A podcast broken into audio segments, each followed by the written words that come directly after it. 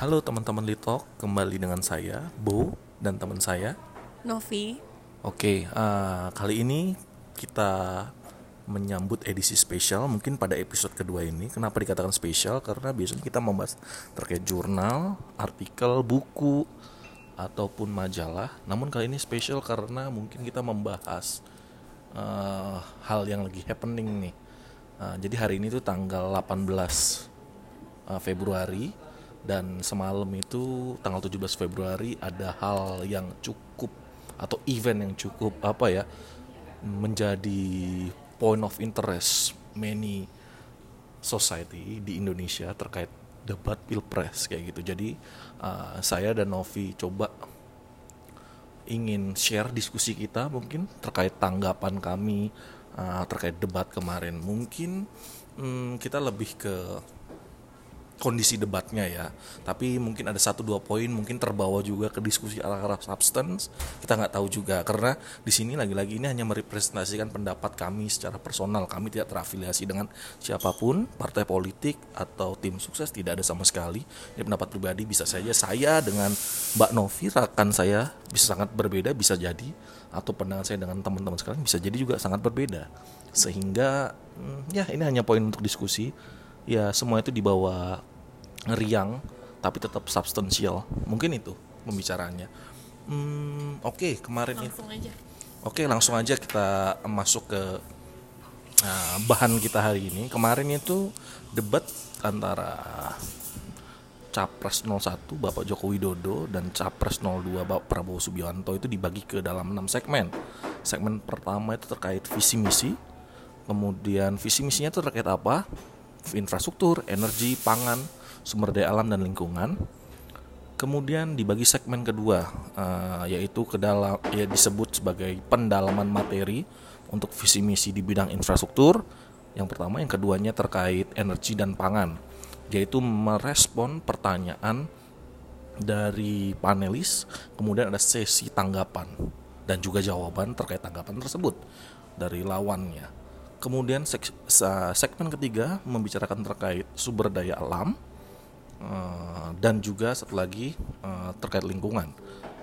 Uh, cara pembawanya tetap sama seperti segmen kedua. Segmen keempat disebut sebagai debat eksploratif di mana para pasangan salon diberikan gambaran video dari panelis, kemudian diberikan pertanyaan terkait uh, video tersebut kayak gitu dan diminta untuk mengeksplorasi terkait video tersebut dan nanti saling memberikan tanggapan.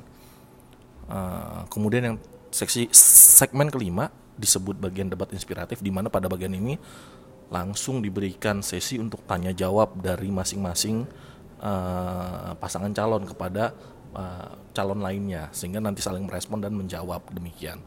Dan segmen terakhir disebut sebagai segmen penutup yaitu uh, closing statement. Debat ini sendiri dipandu oleh moderator uh, Tommy Cokro dan Aliana Suki. Anissa Dasuki, betul. Dan ini debat ini berlangsung kurang lebih hampir dua jam ya, benar ya Mbak Novi ya? Dua jam, dua Hmm. jam. Ya, oke. uh, mungkin kita bahas dari general ya semuanya. Uh, nanti kalau ada pendapat-pendapat terkait segmen ya silahkan bisa diflorkan. Mungkin langsung ke Mbak Novi apa nih yang mau dibicarakan atau diskusikan dalam kesempatan kali ini? Eh, Oke, eh, di sini aku mau ngenot apa menyampaikan note aku sih beberapa poin aku terkait debat kemarin. Memang ada perbedaan dibanding debat pertama, di mana di sini pasangan, eh kok pasangan, masing-masing capres tidak diperbolehkan untuk membawa catatan atau kisi-kisi oleh KPU Dan tidak ada kisi-kisi dari KPU. dan Tidak. tidak ada Kisi-kisi dari KPU. tidak ada kisi-kisi dari KPU. Eh, yang menurut saya ini menunjukkan kualitas pemahaman capres ya terhadap program-program yang akan dia jalankan jika dia terpilih menjadi presiden. Gitu. Dan saya melihat perbedaan antara kedua capres ini di bagian visi misi. Yang pertama itu kalau dari Pak Jokowi itu dia tidak terlalu menjanjikan, tidak terlalu mengumbar janji seperti debat pertama di mana dia masih banyak bilang saya akan saya akan tapi dia lebih fokus ke perannya sebagai petahana. Dia lebih menjual program-program yang telah dia kerjakan. Contohnya misalnya soal jagung. Dia mengapresiasi petani jagung. Dia mengatakan impor jagung sudah menurun. Kalau dari Pak Prabowo Subianto ya seperti biasa dengan gayanya retorika ya uh, menurut saya itu memang yang dia andalkan sebagai kubu penyerang seperti itu. Masuk ke visi misi yang pertama itu uh, bagian infrastruktur ya. Kalau yang dari pertanyaan panelis itu yang pertama itu terkait masalah kualitas jalan dan konektivitas. De, dijawab oleh Pak Jokowi itu bagaimana konektivitas itu nanti akan meningkatkan daya saing dan mobilitas di rakyat Indonesia gitu dan diberikan tanggapan Pak Prabowo terkait masalah visibility study. Nah, yang saya note di sini dari masalah uh, pendalaman visi misi ini, saya ingin menyoroti pada bagian ketika capres, uh, ketika capres uh, capres sudah menjawab dan diharuskan memberikan tanggapan. Di sini uh, misalnya dari capres 01, ketika capres 02 menjawab capres 01 cenderung untuk tidak menyerang capres 02 dengan misalnya dengan bertanya apa program strategis Bapak gitu. Tapi dia lebih ke menjual program yang telah dilakukan selama empat setengah tahun terakhir. Di situ saya note, di situ uh, karena seharusnya dia bisa lebih menyerang gitu. Misalnya dari Pak Prabowo Subianto uh, saat ditanyakan mengenai konflik agraria terkait konflik sosialnya penggusuran dan tanah dan menghilangkan kearifan lokal Pak. Pak Prabowo cenderung memberikan jawaban yang bersifat generalis dan retorika tapi saat disuruh memberi tanggapan Pak Jokowi uh, menjual programnya 191 ribu jalan-jalan di desa. Jadi dia tidak menyerang uh, bagaimana program Pak Prabowo? Rencananya apa gitu?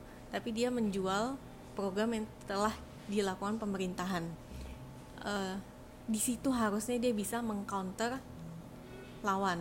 Itu yang saya agak sayangkan ya. Seharusnya bisa di situ. Um, dari Mas Bo ada tambahan mungkin dari saya lebih ke general ya semuanya. Dalam hal ini yang pertama terkait debat itu sendiri. Uh, nanti mungkin ada pertanyaan yang masuk ke masing-masing sesi. Ya sekalian diskusi mungkin bisa makin mendalami gitu. Tapi secara overall dulu kalau dari saya mungkin terkait tidak ada kisi-kisi itu sangat bagus ya ngeliat gimana tektoknya lebih terjadi di komparasi dengan debat pertama kayak gitu. Yang kedua terkait catatan hmm, ini saya setuju untuk tidak setuju kayak gitu dengan Mbak Novi dalam pandangan ini. Kenapa? Karena kalau menurut saya mungkin nggak ada salahnya ya bawa catatan apalagi kalau mau ngomong lebih details terkait grand design dari filosofi strategi hingga menukik ke apa namanya ke suatu program spesifik mungkin itu terlalu details dan perlu catatan ya gitu. Sehingga menurut saya tidak masalah. Toh akan sangat susah kalau semuanya kita terlalu banyak membaca juga kan paling nggak itu hanya key point key point yang meluruskan pemikiran kita dengan uh, rencana kita kayak gitu. Kok saya masih setuju di hal itu, tapi nggak tahu kenapa sekarang dibatasi terkait catatan itu. Uh, kemudian apa namanya hmm, terkait dari penampilan mungkin ya masing-masing kayak gitu. Kalau dari Pak Jokowi yang saya lihat sih mungkin ini apa ya? Saya nggak ngerti kalau di bagian tanggapan itu yang saya ketahui seharusnya merespon terkait ide atau pertanyaan yang sudah dijawab oleh uh, pasangan calon uh, sebelumnya seperti itu. Beberapa mungkin mengadres hal itu secara langsung dari Pak Jokowi, tapi kebanyakan malah memberikan pemaparan terkait keberhasilannya kayak gitu sehingga flow-nya itu lebih kayak ini yang telah kita lakukan. Nggak salah kayak gitu, tapi kurang apa ya channeling gitu antara satu poin dan lain.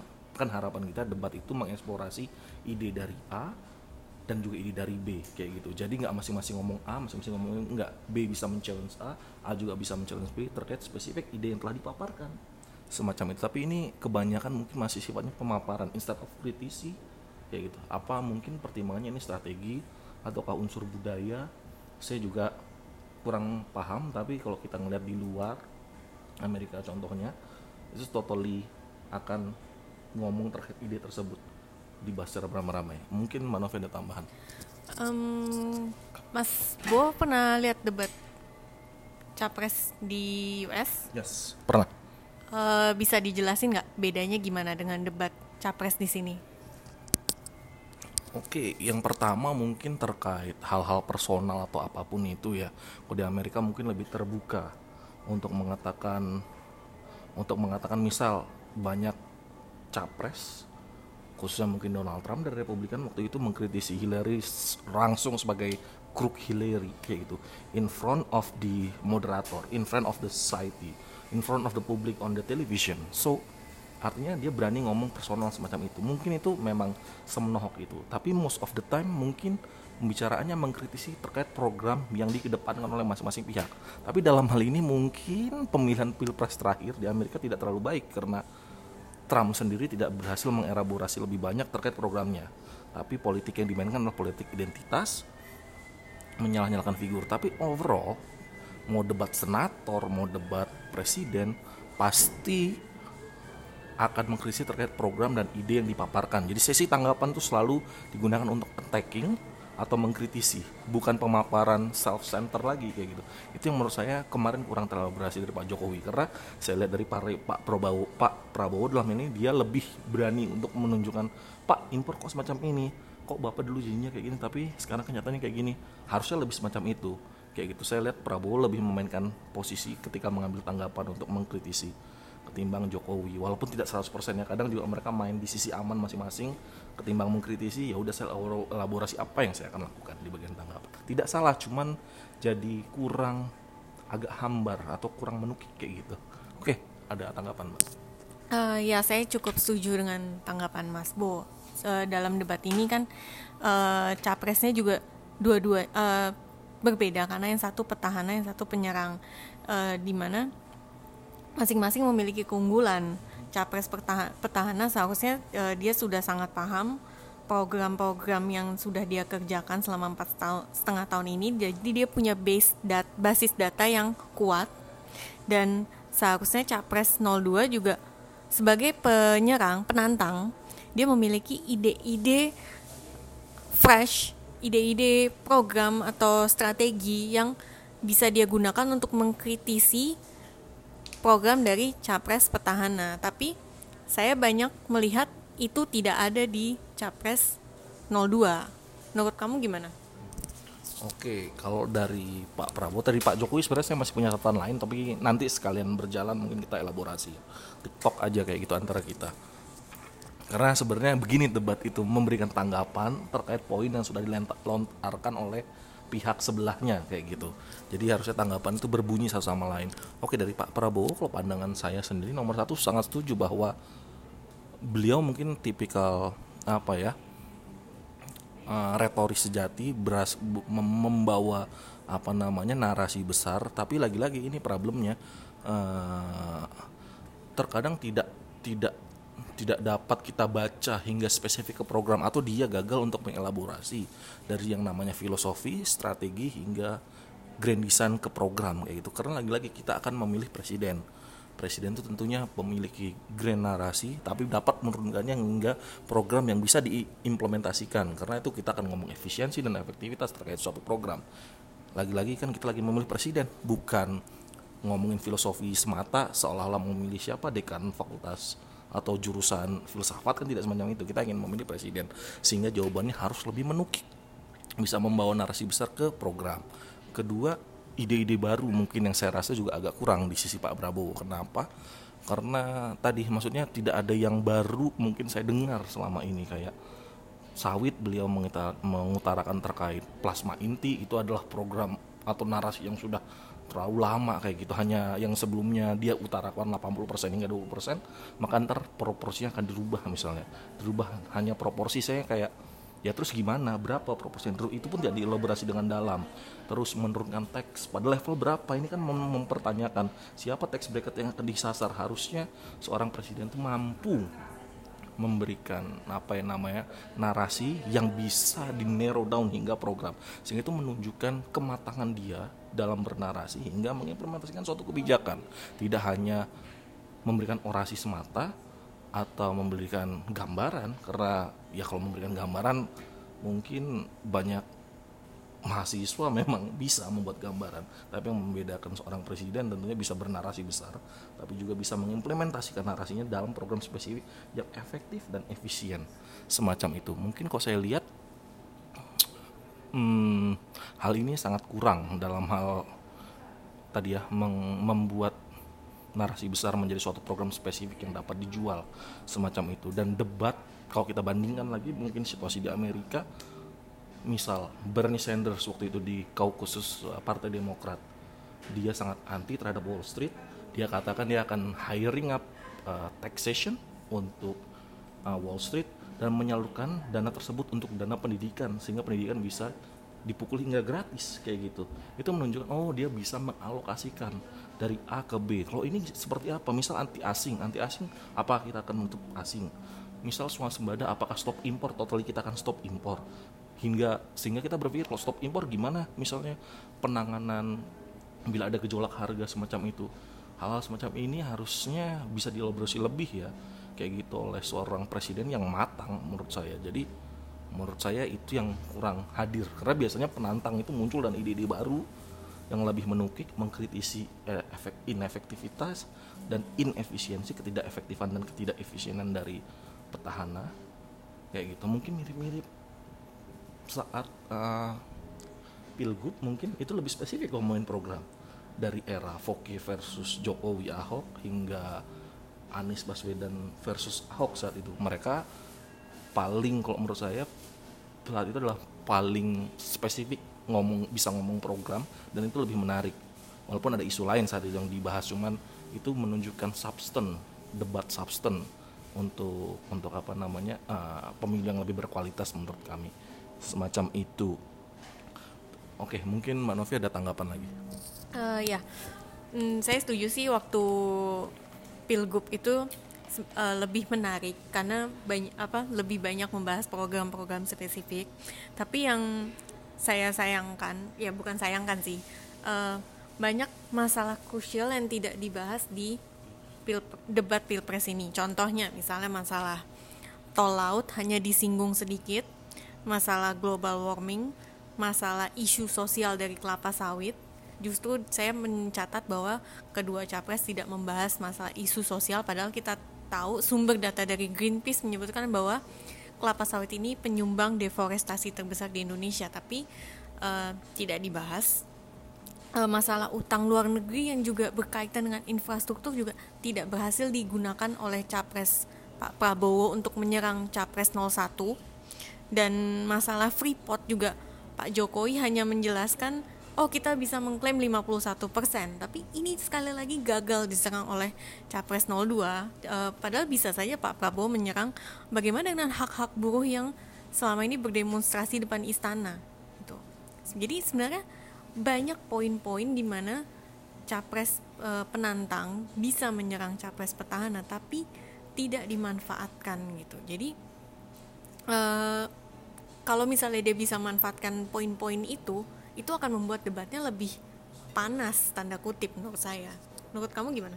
Oke okay. kalau menurut saya sih that's good point actually karena apa namanya faktornya bisa jadi banyak kayak gitu. Pertama saya bisa lihat mungkin dari struktur debatnya sendiri karena ini isu luas dibatasi oleh waktu. Tentunya kalau mengharap semua diolaborasi dengan sangat dalam agak susah karena waktunya terbatas 1 2 menit semacam itu. Kedua, ini juga terkait karakter si uh, apa namanya cawap capres dari masing-masing calon kayak gitu juga. Karena misal kayak ada sesi di mana itu dibebaskan kayak gitu. Pak Prabowo mungkin dalam hal ini kayak menyisakan banyak waktu. Bila sudah setuju sudah kayak gitu. Biasanya kalau orang dalam debat pilpres di Amerika lagi-lagi saya refernya itu ketika ada waktu sisa si capres masih bisa atau siap sedia dengan other ammunition untuk mengattack hal-hal terkait lainnya semacam itu bila dia sangat siap ya dan harusnya semacam itu atau si moderator bisa menanyakan atau mengelaborasi lebih untuk pertanyaan-pertanyaan terkait hal itu. Tapi lagi-lagi mungkin saya juga mengerti dalam hal ini moderator pasti khawatir akan disalahgunakan ketika atau memang sudah diinstruksikan untuk tidak menginterupsi, tidak memberikan apa instruksi, tidak memberikan pengarahan kayak gitu. Karena takut dianggap tidak fair semacam itu. Sehingga ya agak susah kayak gitu. Hanya mengandalkan oke okay, mengandalkan kesadaran dari masing-masing capres bila hal itu tidak muncul atau tidak ada di apa ya chemistry dia untuk mengattack lagi ya sudah selesai kayak gitu. Itu yang menurut saya kurang. Harusnya debat itu lebih lebih dalam. Oke okay, kenapa?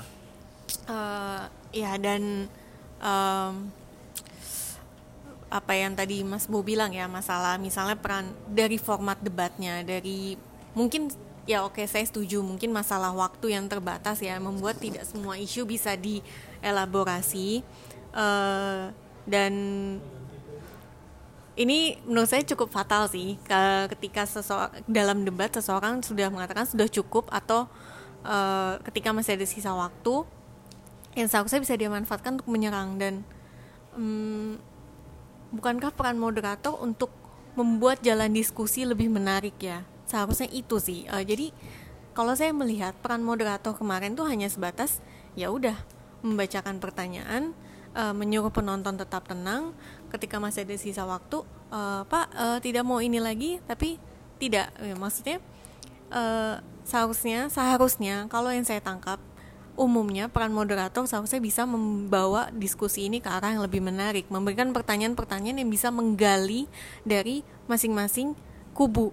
Itu sih menurut saya.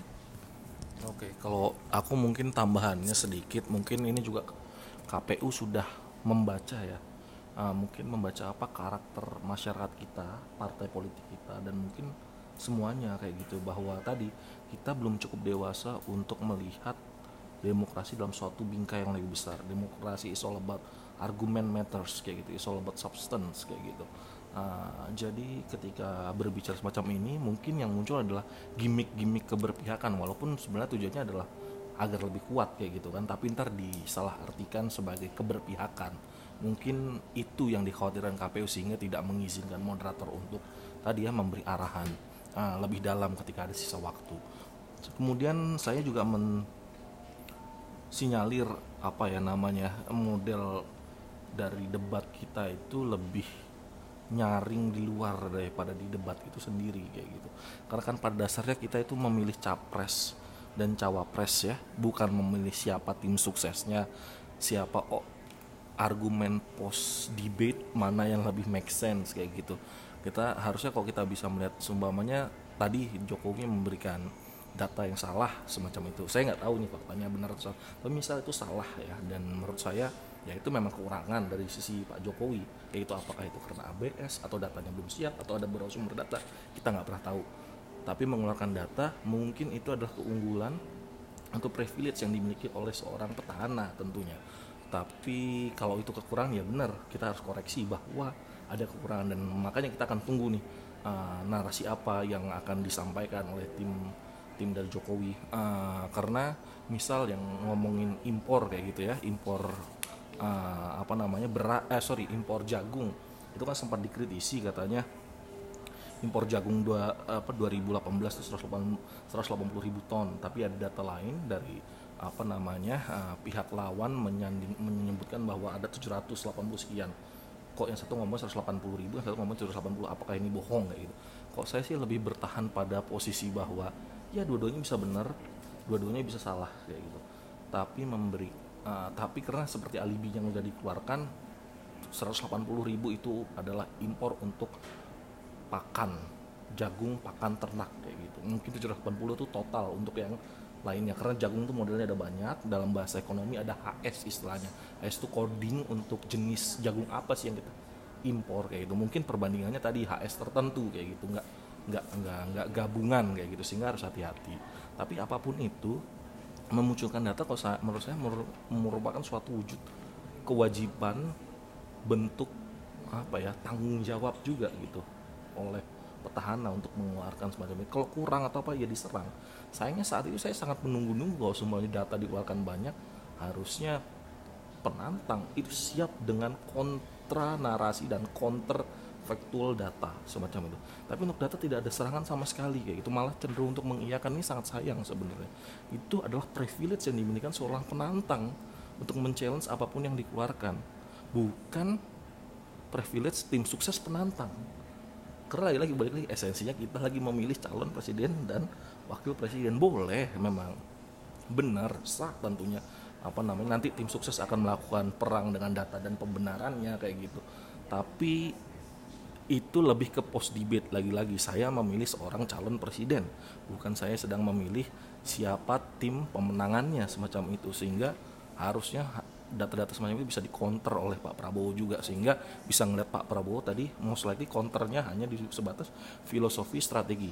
Dan yang mana saya lihat pun juga tidak apa yang namanya tidak menukik dan cenderung berputar-putar filosofinya kayak gitu. Uh, grand narasinya. Sehingga dan terkesan tidak baru lagi-lagi. Idenya tuh ide-ide yang lama kayak gitu dikeluarkan.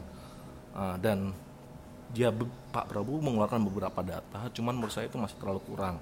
Seperti data uang yang ada di luar negeri 11.000 triliun 11.400 kata Pak Prabowo.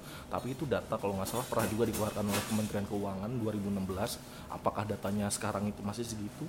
Kita nggak ngerti. Harusnya ada pembaruan setelah teks amnesti misalnya kalau datanya itu makin buruk apakah ini berhasil? Apakah ini menunjukkan keberhasilan Pak Presiden Jokowi? Atau malah itu menunjukkan kebobrokan? Tuh buktinya nggak bisa menarik data 11.000 triliun yang ada di luar. Harusnya ada counter narasi semacam itu. Terus di dalam katanya 4.600 sekian kayak gitu. Data 2018 sendiri yang saya baca di apa namanya beberapa berita tuh ada 5.200an sudah di 2018 saya nggak ngerti sumber-sumber data ini dari mana harus tapi harusnya hal-hal kayak ini diserang kayak gitu dielaborasi lebih kayak gitu. Karena ini adalah keuntungan apa namanya seorang penantang. Tapi lagi-lagi ya ini mencerminkan kualitas si penantang juga dan timnya kayak gitu. Kalau saya apa ya istilahnya uh, peluang yang besar ini tuh gagal dielaborasi habis-habisan oleh penantang. Sedangkan untuk kesalahan data atau apa ya itu memang diharapkan oleh penantang tapi akan lebih sangat amat kuat bila Pak Prabowo berhasil mengadres hal itu saat debat bukan dari tim pemenangannya. Karena kita lagi-lagi melihat siapa capresnya kayak gitu. Kalau kita ngeliat pembenaran dari orang-orang belakangnya ya saya lebih melihat siapa tim suksesnya kayak gitu. Tapi ini kita lihat lagi kita akan memilih siapa presiden yang akan kita pilih dan cawapresnya. Ada tanggapan mungkin dari Mbak Novi? Iya, uh, saya juga uh, setuju sih, uh, Pak. Terlihat Pak Prabowo ini berusaha untuk menyerang Pak Jokowi misalnya uh, misalnya kita misalnya balik ke infrastruktur dengan dia mengangkat masalah efisiensi dan visibility tadi uh, yang dengan mudah dibantah oleh Pak Jokowi uh, menurut saya itu serangan dari Pak Prabowo itu kurang mendalam gitu masalah efisiensi kalau misalnya dia punya data misalnya oh dari LRT Palembang biaya pembangunan segini sekarang kita pendapatannya segini gitu kalau dia misalnya dia punya data seperti itu itu akan lebih efektif dalam menyerang petahana. Tapi lagi-lagi karena dia tidak di dia tidak menyiapkan, saya tidak tahu tidak menyiapkan atau tidak uh, tahu dat, uh, datanya, jadi serangan baliknya kurang tajam menurut saya. Dan jika jika saya menjadi Pak Prabowo, saya mungkin akan marah ke tim saya, saya kenapa tidak mempersiapkan data dengan baik gitu. Itu sih kalau saya. Oke okay, uh, eh, kalau dari saya sih mungkin tadi terkait pertanyaan setuju sekali terkait apa namanya apa contoh untuk visibility study kayak gitu sebenarnya bila saja ya penting kan itu narasi yang dikumandangkan oleh Pak Prabowo sendiri. Bila saja dia bisa mempik satu atau dua example saja misal contoh pembangunan jalan di wilayah A B apa namanya harusnya menempuh step A B C D tapi ini cuma ditempuh dua step sehingga tidak aman kayak gitu. Untuk mengurangi budget atau biayanya sekian sedangkan di Vietnam biayanya sekian kayak gitu.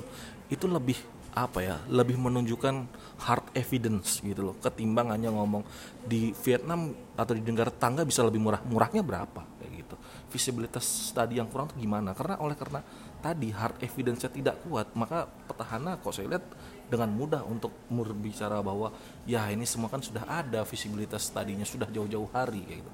Di situ seperti kelemahan kalau saya lihat ya dari Pak Presiden yang bisa di attack satu poin itu saja bisa di oleh seorang Prabowo kalau dia mempersiapkan dengan baik kayak gitu. Saya tidak ingin ber apa bersuuzon dia tidak tahu kayak gitu. Tapi dengan persiapan yang baik seorang tidak tahu pun akan tahu tentunya yaitu untuk mengadres tadi visibilitas tadinya Bapak ngomong sudah cukup sudah lama. Ini buktinya dari tol ini atau dari jalan ini atau dari pelabuhan ini sangat kurang. Itu hard evidence. Karena mendisprove itu jauh lebih mudah kayak gitu. Hanya butuh beberapa sampel. Itu menunjukkan apa yang dilakukan sebenarnya tidak melulu benar kayak gitu. Bisa jadi ada kesalahan tapi itu tidak digunakan. Makanya sayang sekali ketika debat capres itu tidak semenukik itu kayak gitu. Oke ada tambahan mungkin? Uh, kalau yang aku lihat sih Pak Prabowo ini uh, di dia dia mengangkat soal indeks. Dia membandingkan indeks dengan Malaysia dengan Vietnam itu which is a pretty good point. Karena dia me mencoba mengangkat data tapi kurang menukik pak. Kurang dia cuma bilang dibanding ini uh, mereka dua kali lebih efisien gitu. Tapi ya mungkin karena keterbatasan waktu jadi uh, kita tidak bisa mendengar uh, jawaban dari pihak Pak Jokowi dan dari pihak Pak Prabowo juga pertanyaannya kurang menukik tapi saya tambah sedikit ya terkait hal itu tuh menarik karena tambahnya cuma sedikit.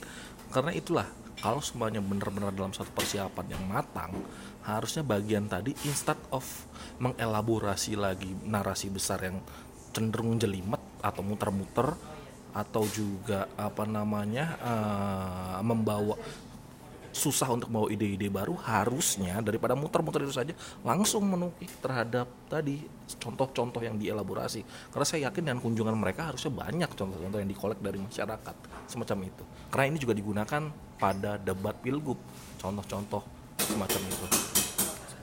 Uh, ada beberapa momen menarik ya dari debat pilpres kemarin. Contohnya uh, waktu bahas tanah uh, ingat kan? Jadi bagaimana pak para biasa kita tahu banyak berita da dari kubu penantang mengatakan bahwa aset negara dikuasai oleh satu persen penduduk di Indonesia dan ternyata hal ini dikembalikan oleh Pak Jokowi mengatakan bahwa Pak Prabowo menguasai lahan di Kalimantan dan di Aceh kurang lebih di total 340 ribu hektar dan Pak Jokowi mengatakan pembagian lahan seperti itu tidak terjadi di pemerintahan saya.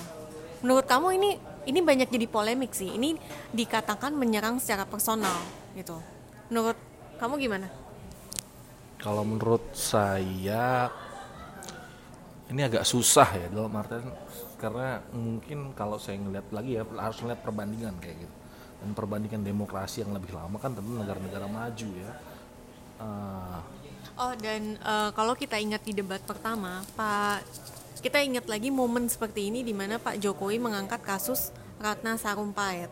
Jadi uh, istilahnya kalau yang aku lihat uh, ini kedua kalinya Pak di dalam dua debat ini Pak Jokowi menggunakan momentum seperti memanfaatkan momentum untuk menyerang benar-benar menyerang. Yang pertama itu kasus Ratna Sarumpait yang hoax yang kedua ini masalah uh, penguasaan lahan gitu. Tapi ini kalau yang masalah penguasaan lahan saya baca di berita ini banyak menjadi diprotes karena dianggap menyerang personal. Oke, kalau menurut saya, saya lagi-lagi setuju untuk tidak setuju kayak gitu. Karena bercermin pada contoh-contoh negara maju semacam itu, uh, oke okay, mereka jauh lebih personal daripada hal ini. Misal uh, uh, apa namanya terkait hal-hal yang pernah dilakukan semua itu apa namanya uh, sangat sah untuk diserang semacam itu. Tentang aset-aset sangat sah untuk diserang. Misal si Larry saat menggunakan email pribadinya saat bekerja itu diserang kayak gitu terus usahanya Donald Trump. Itu diserang. Banyak usaha-usaha senator juga diserang. Demikian itu menunjukkan keberpihakan. Ya itu sah menurut saya karena uh, ketika kita in public kayak gitu semua hal terkait apa namanya aset dan cara memperoleh aset itu memang subject to apa ya subject to be disclosed kayak gitu. Persis juga kenapa LHKPN seorang laporan harta kekayaan pejabat negara itu harus dipublis kayak gitu. Karena itu menunjukkan hartanya dia. Hal-hal publik semacam itu itu menjadi hal yang publik.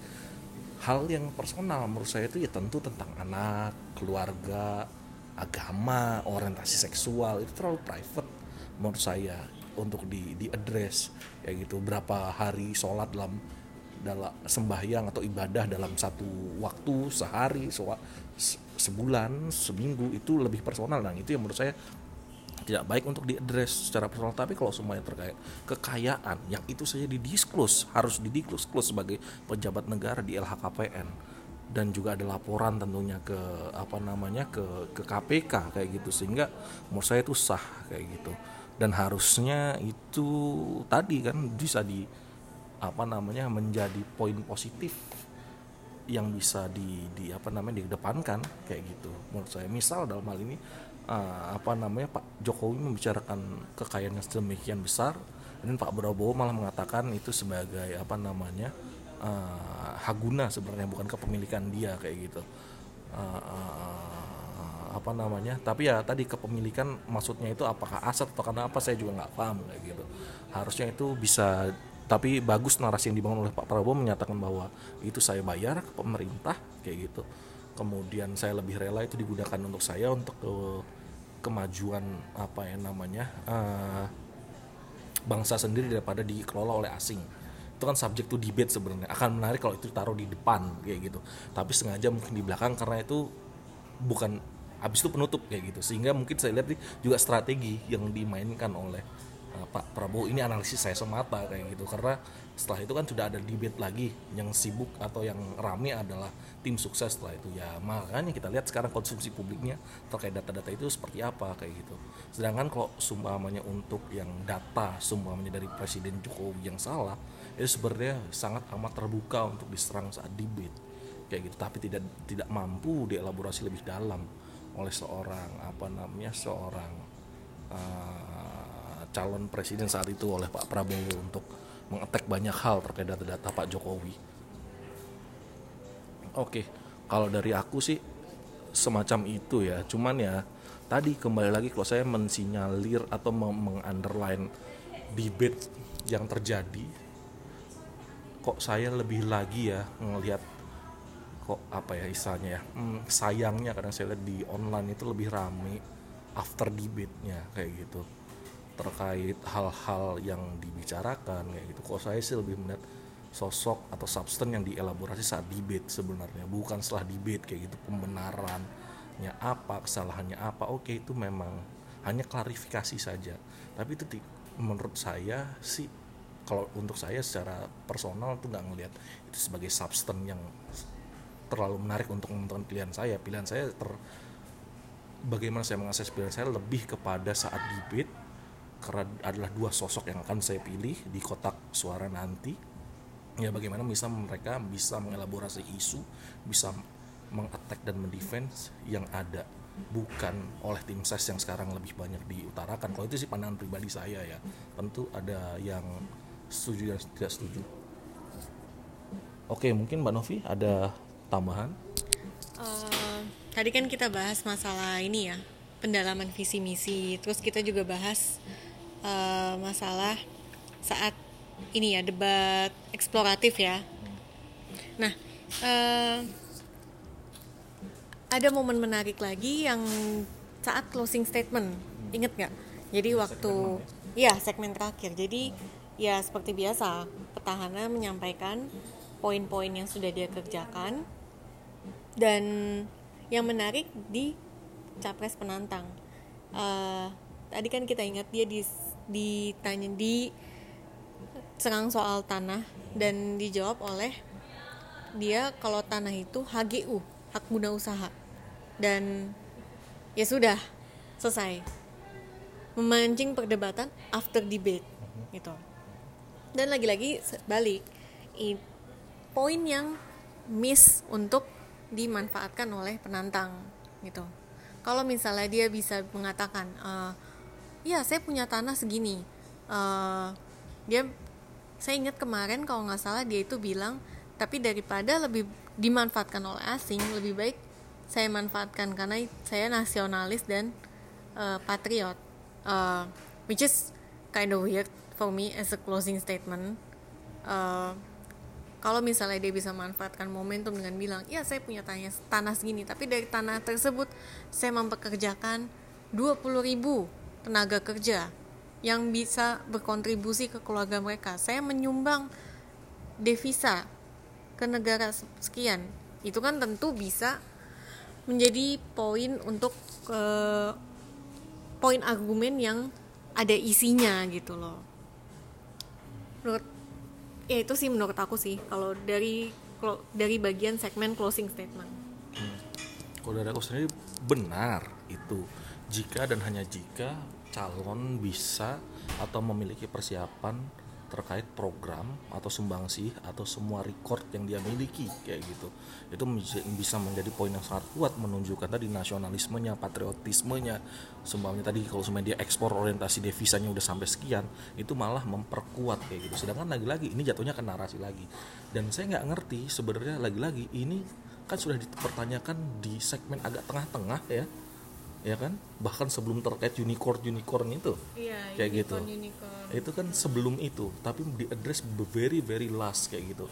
Saat penutupan dan itu very last sentence kayak gitu. Yeah. the, the very last sentence yang which is harusnya closing statement dia menjual gitu. Tidak untuk mengadres atau mengklarifikasi gitu. Jadi karena itu menurut saya itu kayak kesimpulan dari uh, dari poin-poin yang dia sudah buat di pendalaman visi misi di debat eksploratif dari yang video menurut saya di closing statement itu harusnya kesimpulan dari semua yang sudah dia paparkan sebelumnya. Jadi bukan untuk mengklarifikasi.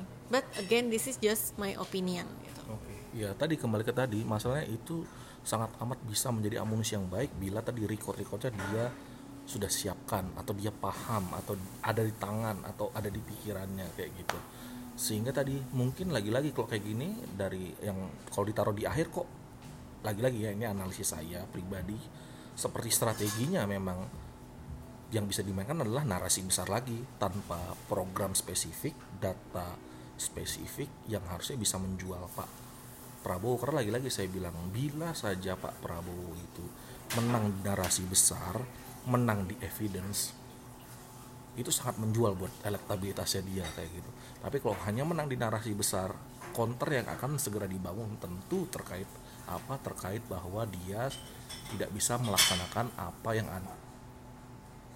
hal-hal terkait narasi besarnya. Hanya sebatas filosofi dan strategi bukan implementasi kebijakan. Dia tidak bisa menjadi policy maker. Misal semacam itu yang saya khawatir akan dipermainkan. Lagi-lagi it's just my opinion my analysis toward apa namanya uh, debate yang terjadi kemarin kayak gitu.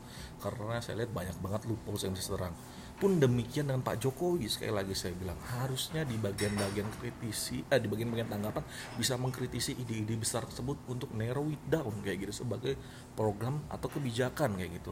Jangan ha, jangan hanya mengangkat keberhasilannya saja which is itu benar tapi menurut saya dalam satu menit inilah debate yang sebenarnya ya harus terjadi. Bisa membagi antara tadi mengkritisi langsung menunjukkan sisinya dia.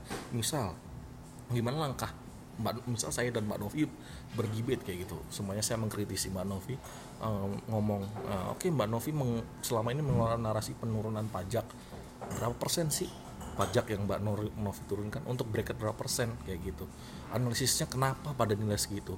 Kalau saya misalnya tetap pada nilai pajak yang sekian tapi memperluas bracket pajaknya kayak gitu atau memberikan keleluasan pajak agar dana-dana asing bisa kita tarik kembali ke Indonesia. Dan dana Indonesia yang diparkir di luar negeri bisa kembali ke Indonesia.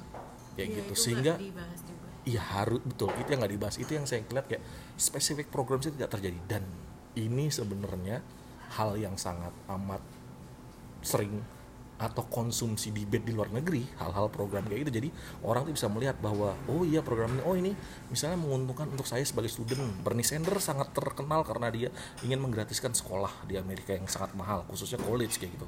Caranya adalah menteks atau menaikkan teks habis-habisan untuk kaum kaum Wall Street semacam itu. Dengan ada logika semacam ini saya bisa melihat oh iya berarti yang disasar Bernie Sanders salah satunya adalah student kayak gitu. Dan student juga most likely adalah sumbangsit apa pemilih terbesar atau ceruk bagi berdesainer saat itu. Uh, sehingga ya tadi benar-benar program dan itu nyata. Tidak berarti tidak ada narasi besar ya tentu semua mereka semua sangat jago di narasi besar baik senator ataupun calon, cal, uh, dari calon presiden dari senator ataupun calon presiden dari bisnis ataupun calon presiden dari eksekutif ranah eksekutif lainnya. Tapi tadi bisa membumikan dari ide besar yaitu grand narasi masuk ke strategi masuk ke program yang atau kebijakan yang lebih implementatif sehingga kita bisa melihat keutuhan suatu calon pemimpin seorang calon pemimpin. Semacam itu mungkin dari saya Mbak Novi. Uh, masih ada teman atau udah cukup? Oke ada teman sedikit. Nanti habis itu saya closing setelah itu. Uh, ya tapi ini baru debat kedua ya. Masih ada tiga kali debat. Debat nanti ketiga kita uh, cawapres ya Pak Kiai Ma'ruf Amin sama Pak Sandiaga Uno. Debat keempat dari capres lagi baru debat kelima uh, pasangan capres dan cawapres. Uh, harapan kita sih ya semoga ke depannya di debat-debat berikutnya uh, baik petahana maupun penantang bisa lebih spesifik dalam memaparkan programnya, mas, bisa lebih narrowing it down baik dari petahana maupun penantang dari petahana bisa lebih menyerang mena menanyakan ide-ide fresh apa. Begitupun dengan penantang bisa menyampaikan ide-ide apa yang bisa dia gunakan ketika misalnya dia terpilih gitu. Um, jadi flow debatnya akan lebih menarik sih gitu. Itu sih harapan aku terkait debat pilpres ini Iya, uh, benar setuju. Ini sekalian saya mengclosing mungkin ya.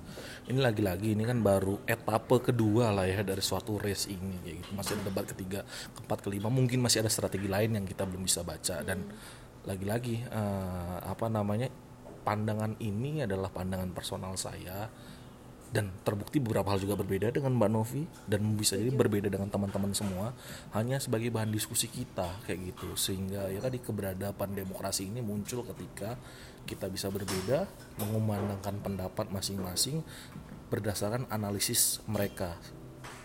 Secara logis kalau bagi saya mungkin bagi orang lain saya tidak tahu kayak gitu. Secara rasional sehingga lebih menarik kayak gitu poinnya. Mungkin itu dari kami kayak gitu lagi-lagi mungkin kita memberikan permohonan maaf juga kali ini. Karena tiba-tiba ada edisi spesial di episode kedua ini terkait reaksi. Uh, bukan reaksi ya mungkin ya poin yang didiskusikan dari uh, debat capres kedua semalam kayak karena gitu. kita gatel pengen menyampaikan opini kita gitu. Maksudnya share aja sih diskusi aku nggak segatel itu.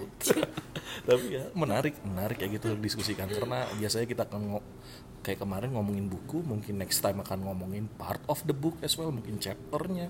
Ntar akan ngomongin artikel jurnal kayak gitu. Tapi kalau ada hal-hal spesial dan, dan menarik untuk didiskusikan kenapa enggak kayak gitu. Yeah.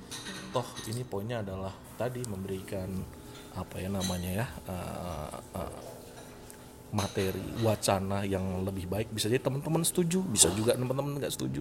Semua kembali ke teman-teman semua kayak gitu. Kita hanya membawakan tadi diskusi yang lebih nyantai gitu sambil ngopi-ngopi karena saya nggak ingin maksudnya kalau tadi kemarin diskusinya kayak bidang-bidang berat ternyata bisa kita bawakan dengan santai. Iya. demikian juga dengan pilpres yang wah sangat amat keras. Ternyata kita ketawa sambil kata tawa minum kopi itu saat bisa dibawakan. Karena lagi-lagi itu lagi itu adalah konsepsi besar dari lit pop yaitu membawakan sesuatu yang kesannya terlalu akademikal atau terlalu hard issues tapi menjadi sesuatu yang santai untuk diperbincangkan kayak gitu. Karena semua ya tadi kembali kepada hasil telah kita masing-masing. Dan sebenarnya ya sharing aja selama apa ya namanya saling terbuka dan tidak ada me, me, menjudge kayak gitu. Poin masing-masing hanya interpretasi masing-masing hasil analisis masing-masing itu fine fine aja untuk menambah kasanah diskusi lebih lanjut kayak gitu. Dan mengisi demokrasi yang sudah ada dan telah diperjuangkan. Itu dari saya mungkin cukup cukup. Hari ini? Oke. Okay. uh, mungkin sekian dari saya Bo dan uh, rekan saya. Novi. Oke okay, ketemu lagi di Litok selanjutnya. See you. Bye